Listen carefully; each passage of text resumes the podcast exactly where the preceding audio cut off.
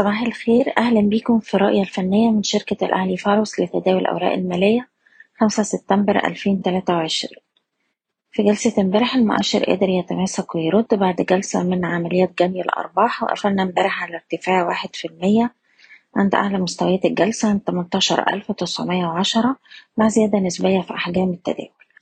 ودلوقتي المؤشر بقى عنده مقاومة عند تسعتاشر ألف نقطة وبتأكيد اختراق المستوى ده الأعلى يفتح له الطريق لمستوى التسعتاشر ألف ومتين من الناحية التانية مستوى الدعم الأول عند التمنتاشر ألف سبعمية ستة وعشرين وده أقل مستوى اتسجل في آخر تلات جلسات.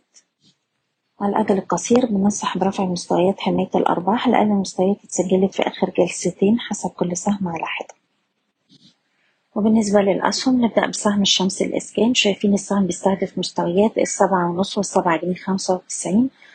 وده طول ما إحنا محافظين على مستوى الدعم السبعة عشرة أقرب دعم لجلسة اليوم عند السبعة جنيه وربع سهم إعمار مصر امبارح كان فيه ارتفاع بزيادة ملحوظة في أحجام التداول والسهم بيختبر مستوى المقاومة التلاتة جنيه وعشرين قرش وتأكيد اختراق المستوى ده الأعلى بيفتح له الطريق المستوى التلاتة ونص. أقرب دعم لجلسة اليوم عند مستوى التلاتة عشرة ونقدر نرفع حماية الأرباح لأن مستوى اتسجل في جلسة امبارح عند التلاتة جنيه وتلات قروش أسمنت هنا بنلاحظ ارتفاع أحجام التداول في آخر جلستين وشايفين السهم بيستهدف مستوى الواحد وعشرين جنيه ويليه مستوى الاتنين وعشرين جنيه ونقدر نرفع حماية الأرباح لمستوى التسعتاشر جنيه. سهم راية لخدمات الاتصالات السهم قدر يحافظ على مستوى الدعم بتاعه الاتنين جنيه خمسة وتمانين نقدر نحتفظ طول ما إحنا فوق المستوى ده ومن هنا ممكن نعيد التجربة على مستويات التلاتة خمستاشر والتلاتة جنيه وربع.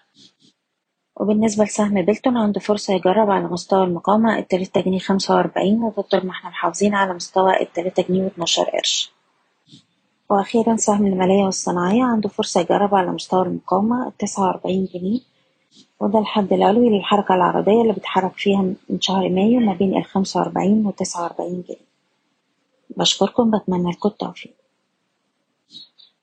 إيضاح الشركة غير مسؤولة عن أي قرارات استثمارية يتم اتخاذها بناء على هذا التسجيل.